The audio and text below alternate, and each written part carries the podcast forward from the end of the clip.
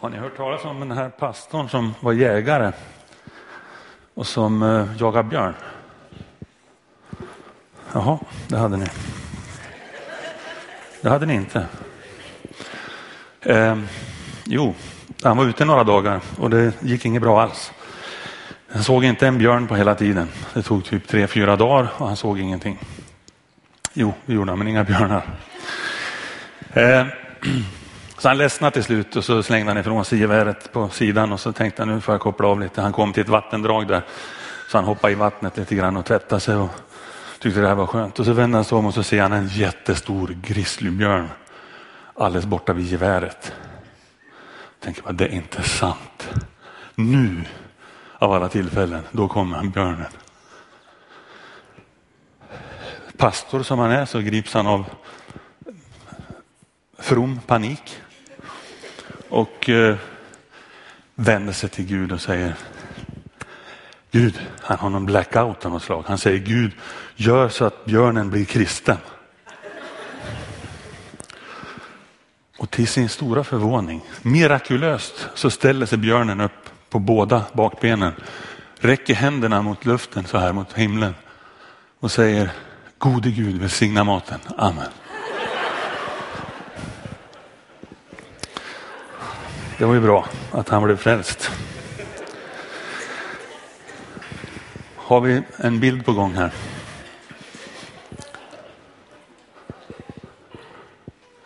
Hur många chanser får man egentligen? Är rubriken för idag. Den här söndagen är sista söndagen innan advent och innan julen drar igång på allvar. Då kallas den för domssöndagen enligt kyrkoårets texter. Och domsöndagen kan ju påminna oss om ett par olika saker, framför allt Jesu återkomst och dom. Oj, är det något vi vill fundera över? Vi ska läsa det här bibelstället tillsammans från andra Petrusbrevet. Men en sak får ni inte glömma, mina älskade. För Herren är en dag som tusen år och tusen år som en dag. Herren dröjer inte med att uppfylla sitt löfte så som en del menar.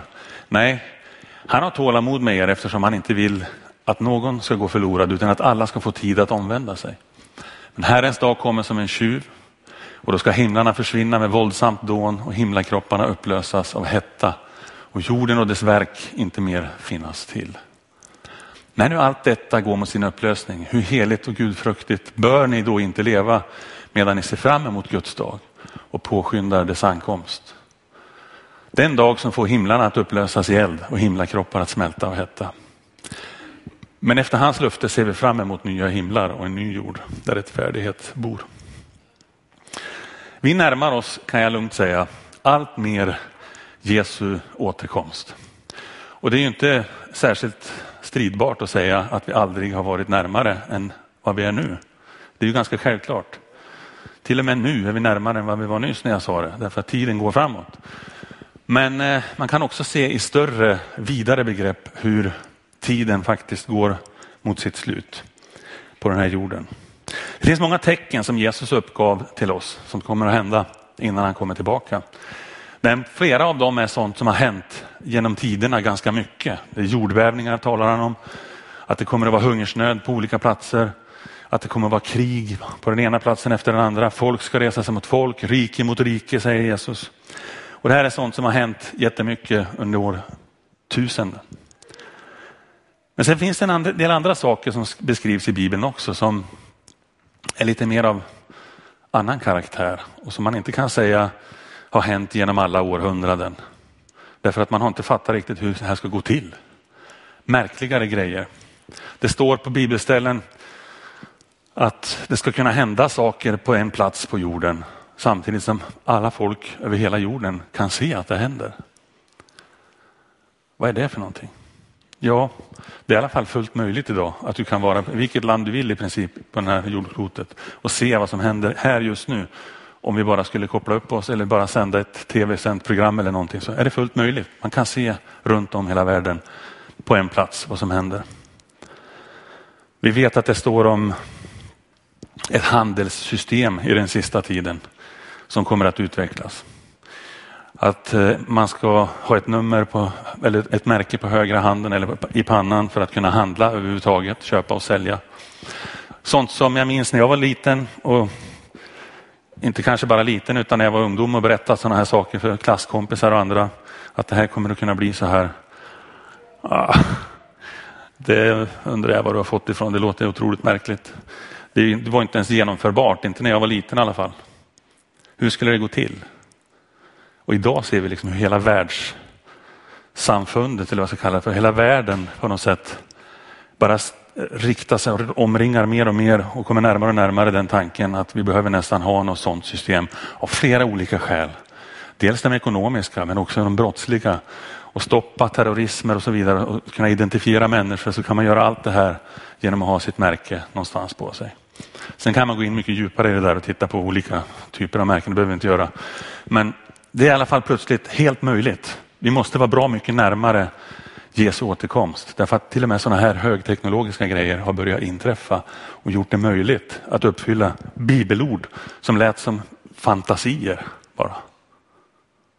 Det är ganska häftigt. Ni har inte fått några lappar än. Ska vi dela ut dem? Så står det så här också. Jag har gjort en anteckning där att Jesus han kommer med och, och ni vet inte vad det ska stå där riktigt i de här luckorna. Ni ska få varsin lapp här och en penna om ni behöver låna det. Det här är bara ett sätt att göra att det blir lättare att minnas vad vi talar om idag. Att komma ihåg det, att få med sig lite grann hem och fundera över. Inte minst att aktivera flera av våra sinnen så att det sätter sig bättre hos oss. För det är tyvärr så att enligt åtminstone enligt US Air Force forskare så är det så att på onsdag någonstans så kommer ni ha glömt 95 procent av vad jag har sagt här. Men nu ökar vi lite grann. Här får vi in det här att genom att se texterna, genom att skriva själva lite grann så kommer vi att komma ihåg ännu bättre. Och vad ska det stå här nu då? Jesus kommer med dom och befrielse. Dom och befrielse. Det var något både jobbigt och härligt, eller hur? Eller behöver det vara jobbigt? Ja, det behöver det kanske inte vara. Med dom heller. Men det låter ju negativt i våra öron. Vi tänker oftast att dom är något hemskt. Då ska man sätta dit någon eller då ska man beskylla någon för någonting och så vidare. Men eh, vi kommer inte ifrån det faktum att det faktiskt är så här, även om det är impopulärt att prata om det. Och det är inte det första man snackar om, att människor, vi människor allihopa, du och jag och alla, en dag kommer att dömas på något sätt. Men det är ändå lika sant. Och jag vet inte varför vi ska hålla tillbaka sådana sanningar därför att det ska låta bättre allting. För det är fakta. Och det är väldigt viktigt att vara medvetna om just den här, den här sanningen också. Jesus berättar om den fullständigt ogenerat. Så här kommer det att hända, det här kommer, det här kommer jag att göra. Och det är inget hemskt heller. Tillhör du honom så är det bara en underbar situation att vara med om den dagen. Det står till exempel i Matteus 25, ett långt stycke där Jesus berättar, där han talar om att Människosonen kommer med sin makt och härlighet. Han eh, kommer att skilja fåren från getterna. En bild han tar ifrån den värld han lever i där nere i Israel. Där man på kvällarna, ibland på dagarna så blandar man getter och får på bete. Men på kvällarna så måste man skilja dem åt och ta dem till olika ställen. Och där tar han den bilden och säger att det kommer att hända på domens dag när jag kommer tillbaka. Vi ska göra så. Och det är ett faktum. Frågan är väldigt intressant då. Vem kommer han för att hämta? För vem är himlen? Och där blir det inte lite viktigt att läsa till exempel det här stället i Efesierbrevet 2. Gud som är rik på barmhärtighet har älskat oss med så stor kärlek att fast vi var döda genom våra överträdelser så har han gjort oss levande tillsammans med Kristus. Av nåd är ni frälsta och uppväckt oss med honom och gett oss en plats i himlen genom Kristus Jesus. För vem är himlen? Ja, det kommer svaret. Han har gett oss en plats i himlen och av nåd är ni frälsta. Så har vi det här stället i Romarbrevet, ett klassiskt ställe som handlar om frälsning, hur du blir en Guds, ett Guds barn eller hur du blir en Jesu lärjunge. För om du med din mun bekänner att Jesus är Herre och i ditt hjärta tror att Gud har uppväckt honom från de döda ska du bli frälst. Amen. Härligt va? Underbart. Detta löfte gäller alla. Det är ingen som kan säga, ja men den här domen som kommer, jag har ingen chans där. Det har du visst det. Du har all chans i världen. Det är helt öppet för dig, precis som för någon annan. Okej, okay. så för vem kommer han att hämta? Och för vem är himlen? Den som, vad tror vi där? Tror på Jesus och tar emot nåden. Vad då tar emot nåden? Ja, man behöver acceptera nåden faktiskt, precis som i en domstol. Så finns det faktiskt en, ett krav på det.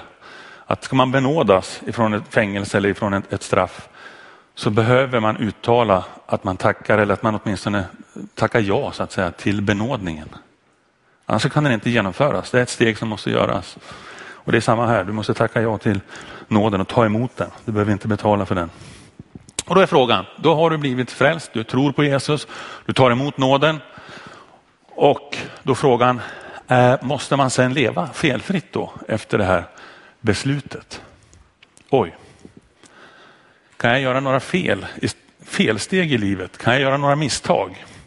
Kan jag begå några synder som det står om i Bibeln? Eller vad händer nu? Är jag fast? Nej, du är inte fast. Du är aldrig fast. Gud håller aldrig fast dig i ett järngrepp. Han omsluter dig, det pratar vi om, men det är alltid öppet. Det är alltid frivilligt. Du kan alltid gå om du skulle vilja.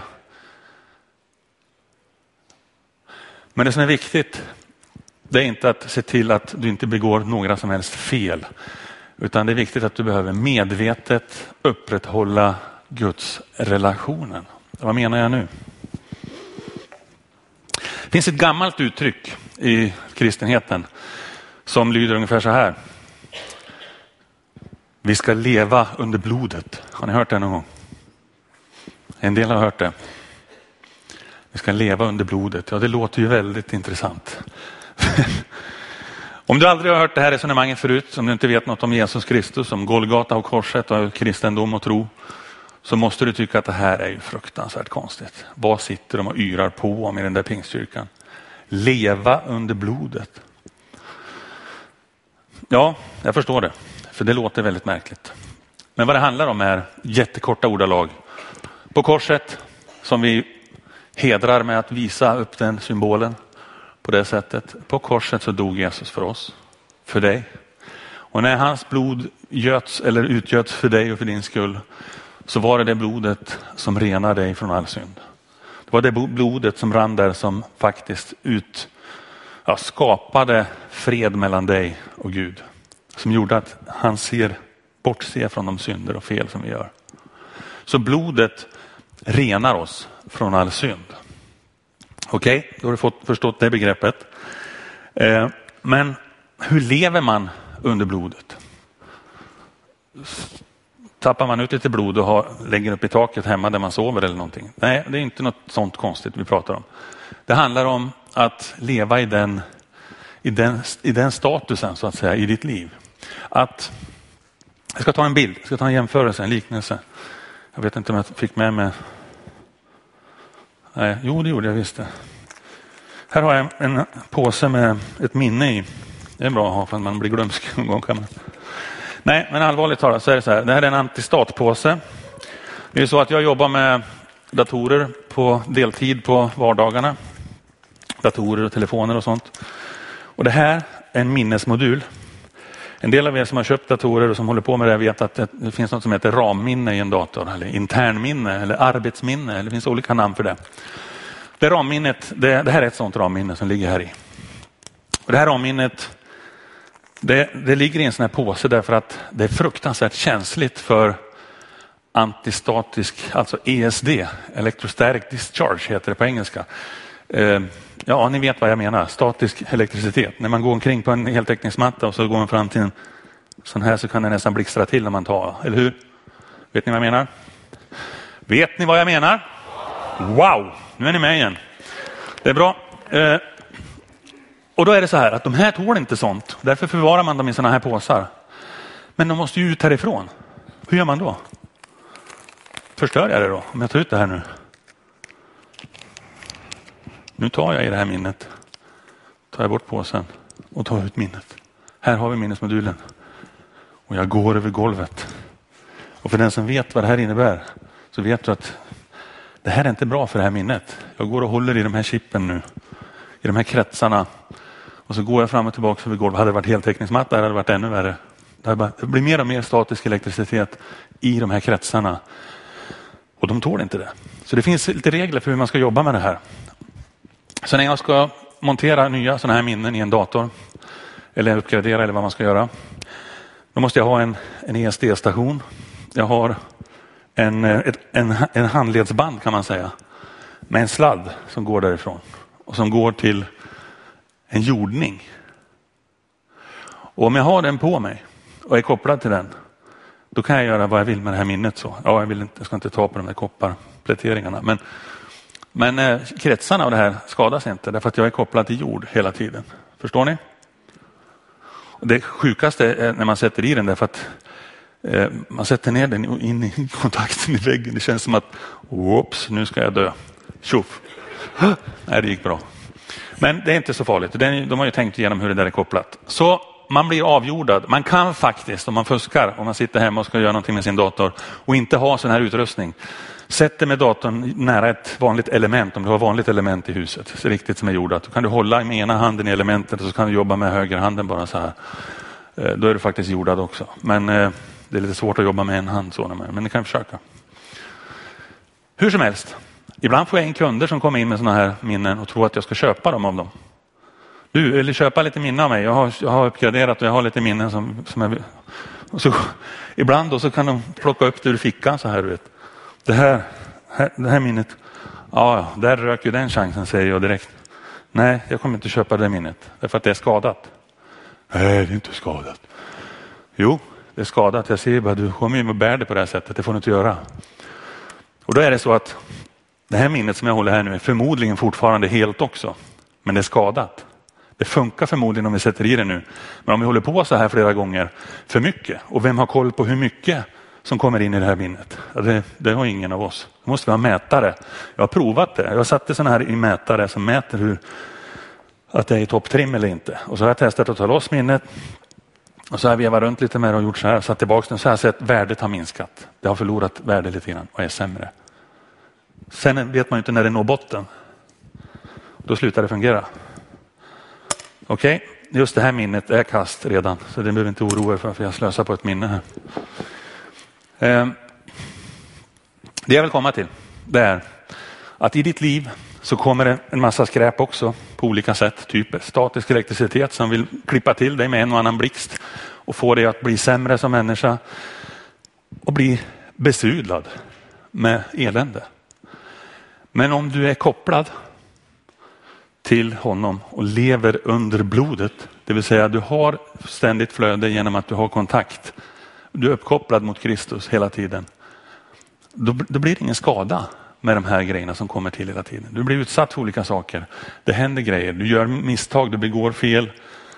Du kan leva under blodet därför att du finns där ihop med honom i andra handen och vet att han renar mig från all orättfärdighet. Därför att jag vill det. Jaha, men vänta nu. Då kan jag göra vad jag vill. Det här var ju fantastiskt. Ja, men då kopplar jag på mig den här och så sen säger jag bara, ja, nu skiter jag i det här. Jag är redan, jag är redan säkrad. Ja, alltså du behöver ha kvar den här. Jag, jag menar, tar du av dig det här bandet igen, pang, då är du redan utsatt för risk igen. Så du måste ju ha kvar relationen och hålla den levande med honom. Återkom till honom och säg det. Tack Gud för idag. Tack att du har renat mig igen. Du måste inte säga det exakt en antal gånger vissa dagar eller någonting, absolut inte. Men du behöver hålla relationen levande. Man behöver medvetet upprätthålla gudsrelationen. Då lever man under blodet som jag kallar det för. Och då kan man ju få svar på den här frågan i början också. Hur många chanser får man egentligen? Försök att räkna. Det blir hur många som helst. Bibeln är full av exempel på människor som fick extremt viktiga roller och som själva hade bakgrunder som svikare och tjuvar och mördare och annat. Om vi tar Paulus som exempel. Han hade ju gjort otroliga grejer, men han skrev stora delar av vår bibel. Och ändå var han med och avrättade kristna människor. Petrus förnekar Jesus flera gånger. Det står om en kvinna som heter Rahab som var prostituerad och som de såg ner på därför att hon hade den rollen och det yrket som hon hade valt. Hon fick bli farfars farmor till kung David. Hon, eh, och kung David förresten, vad gjorde han? Han var en riktigt otrogen mördare. Men fick sån betydelse för oss i fortsatt kristenhet. Bland annat genom saltaren och mycket annat. Matteus då? Matteus, han som skrev Matteus evangeliet. Wow, vilken lirare. Han sitter och är tullindrivare. Han sitter och är skatteindrivare bland judarna. Svårt att få ett yrke där du är mer hatad än i den rollen. Du har liksom på något sätt valt att klippa av ditt liv nästan och säga att ja, men nu blir jag det och då är jag körd sen. Då, ska, då får jag hålla, på, hålla på med det resten av livet. Jag kommer tappa massa vänner. Jag kommer få lite nya vänner. Vilka då? Andra skatteindrivare. Det är i princip de man kan umgås med. För de andra fick man inte plats att vara med. Man fick inte komma till synagogan, man fick inte vara med där. Man fick veta att det är ingen idé att du kommer med några bönämnen till den här samlingen. För Gud kommer inte att lyssna på dina bönämnen. Han hör inte dina böner. Varför då? Därför att du är en skatteindrivare. Så såg man på Matteus och andra skatteindrivare. De hade ingen god roll precis. Vem är det som ger oss Fader vår? Vem är det som har gett oss bergspredikan? Ja, det är Matteus. Hur gick det till? Man borde inte ens ha pratat med honom. Jesus borde ha gått bara förbi enligt de gängse regler som fanns. Han har gett oss de här orden om att vi är jordens salt, vi är världens ljus. Han är den som har gett den här texten, be så ska ni få. Matteus är den som har förmedlat missionsbefallningen åt oss. Alltså vilka viktiga, vilka viktiga grejer han har varit med och gett oss.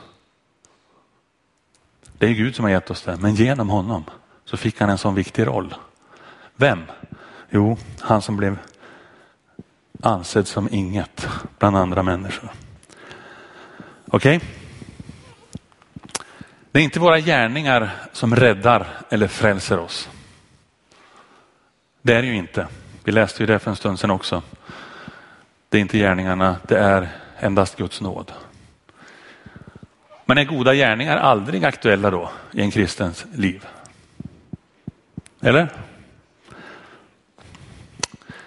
Är det så att det spelar ingen roll vad vi gör sen? Jo, jag tror att det gör det. Jag vet att det gör det. Vi kan läsa den här texten. Med den nåd som Gud gett mig så har jag som en kunnig byggmästare lagt grunden.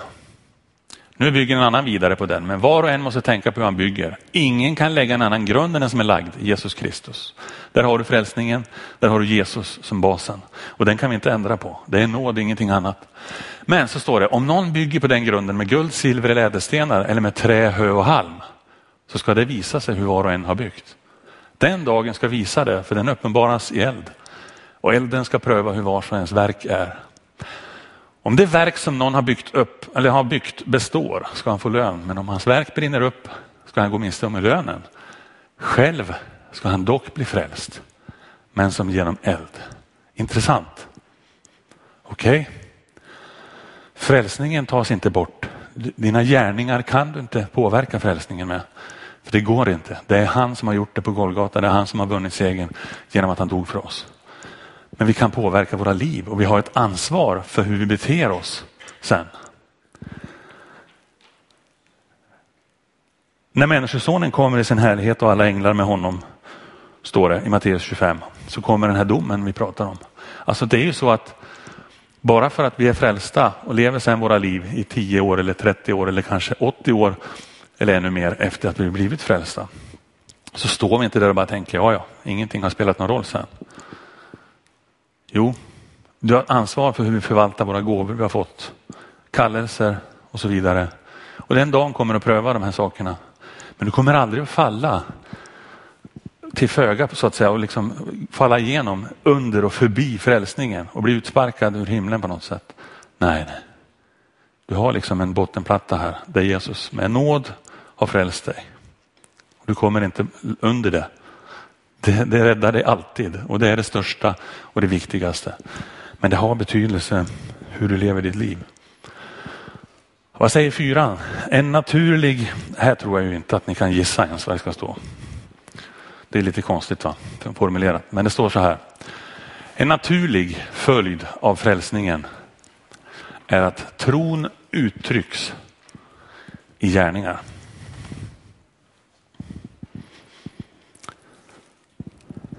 Det är helt naturligt. Så här står det i Efesierbrevet 2, tillbaka dit igen fast en annan vers. Av nåden är frälsta genom tron, inte av er själva. Guds gåva är det. Inte på grund av gärningar för att ingen ska berömma sig. Okej? Okay? Det var den där grunden igen. Frälsningen bygger på nåd, ingenting annat. Hans verk är vi, skapade i Kristus Jesus, till goda gärningar som Gud har förberett för att vi ska vandra i dem. Okej? Okay? Det ligger alltså någonting i det jag säger här. Det finns ett före och ett efter. Det finns en grundsten som ingen kan ändra på. Och det finns sen ett sätt för oss att bygga våra liv.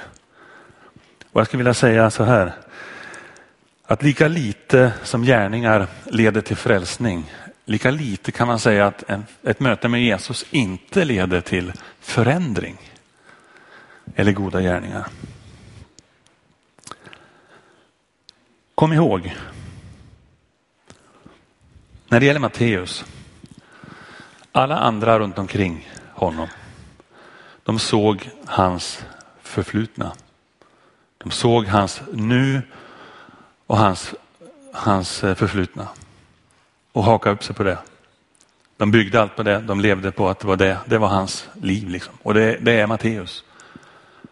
Jesus stannar upp i honom och Jesus ser hans framtid. Hur tänker du när du tänker på Gud? Hur tänker du att han ser på dig? Vad har du för bild av det? För det är otroligt viktigt faktiskt. Vad har du för bild av hur Gud ser på dig? Det kommer en liten jobbig minnesbild av mig från, från, från en butik, i en klädbutik där, det en familj var och eh, barn, det var barn som sprang runt och lekte och härjade som barn kan göra och som också försvann in ibland kläderna. Ni vet en sån här snurr, snurrställning med massa kläder i och så plötsligt är barnet borta. Jaha, okej. Okay. Förmodligen här inne någonstans om man kunde lyfta på den här ställningen. Vart är de någonstans? Och hon ropade och sa till mig, säg till sluta med det där, kom hit nu. Och de kom inte hit. Och så går mamman fram till slut och säger så här till barnet. När hon hittar den här, den här ungen. Du vet väl att Gud ser dig? Wow, känner man bara, är inte sant? Vilken gudsbild kommer den här människan att få växa upp med? Och Jag tänker att det här har betydelse för dig och för mig. Vilken bild har du av Gud? Hur ser han på dig? Tror han tittar på dig och skakar på huvudet lite och tänker den här har gjort för mycket dumma grejer? Jag tror inte det. Jag tror han tänker på din framtid och att han vill tänka framåt. Vad kan vi göra tillsammans? Hur kan vi lyfta din, ditt liv? Och göra någonting ännu bättre. Hans planer är ju alltid större än våra egna. Alla andra såg Matteus förflutna, Jesus såg framtiden. Alla andra såg hans fel, medan Jesus såg vad han kunde bli. Jag vill säga till dig här idag, det finns inget stopp för hur många chanser Gud ger dig. Den du är Jesus han ser vem du kan bli. Och jag vill eh, passa på att inbjuda dig nu faktiskt, direkt, till att komma till honom. Ta emot den här nåden, ta emot det här som han vill ge. Den här platsen i himlen, den här förlåtelsen som Jesus ger. Vi ska sjunga något tillsammans här också i avslutningen och, och eh, ni kan börja ta plats för det. Ehm, men jag vill att du tar den chansen om du känner att ja, ja, det här är 814 gången för mig som jag ber Gud att ta vara på mitt liv. Gör det ändå. Eller om det är tredje gången eller första någonsin. Det kommer finnas förebedjare här framme som är med och vill be för dig om du vill komma fram och få hjälp i förbön. Och eh, vill du sitta kvar där du sitter så funkar ju det också. Det är inte frågan om att man ska utmärka sig här i första hand, men det handlar om att vi kan hjälpa varandra och att vi kan bära varandra fram och hjälpa varandra i bön också. Så vi tar en stund nu då vi sjunger tillsammans och då vi är inför honom. Kom gärna fram om du vill ha förbön för någonting. Du får hur många chanser som helst. Men glöm inte bara att ta vara på dem. Annars hjälper det ju inte. Och många chanser är ju, säger ju någonting om att man kanske har varit med förut ett antal gånger. Och ibland kan man känna att eh, om du aldrig har varit fram någon gång förut för förbön eller om du aldrig har sagt ja till Jesus så är du extremt välkommen. Det är extra kul på något sätt. Men samtidigt ser jag det också som en otrolig styrka för den som har varit med länge men som kommer tillbaka. Jag bara satsa. Man, man, kanske vill ha ny kraft, man vill ha någonting nytt att satsa med ett nytt mål. Och, och man har kanske gjort, gjort någonting man ångrar att man har gjort. Men det är så typiskt att vi tänker då att ja, men tittar folk på mig och de undrar varför går jag fram dit, vad har jag gjort nu? Ja, men glöm det där alltså. Allihopa är vi syndare, alla har gjort fel och misstag. Och det är inte säkert att det är därför man går fram ens. Kanske bara vill ha hjälp med framtiden, med nya beslut som ska tas eller någonting. Det här tullindrivarryktet var inte bara, det är inte bara så att det handlar om någon idag som jobbar på skattemyndigheten liksom. Och att man har ett sånt yrke som är så hemskt. Det var inte bara det, utan det var något mycket värre. Man var, man var en svikare, man var en överlöpare. Judarna befann sig under ockupation från romarna. Och man hade alltså ställt upp och jobbat för romarna istället. Så man var ju alltså en, en riktig svikare. De hade märkliga regler också där man fick ta emot. De, de, skulle ha in vissa pengar som romarna satte, men sen fick man som tax, som tax collector, för att säga, vad heter det, som skatteindrivare fick man lägga på lite egna vad man ville liksom och dra in ännu mer. Så man blev ju verkligen en girig, egoistisk ja, person som folk verkligen inte tålde. De hade svikit och lämnat sitt folk på något sätt. Så det är väldigt, jag menar, det Jesus gör med en sån som vi såg på filmsnutten här. Det är det han gör med oss också.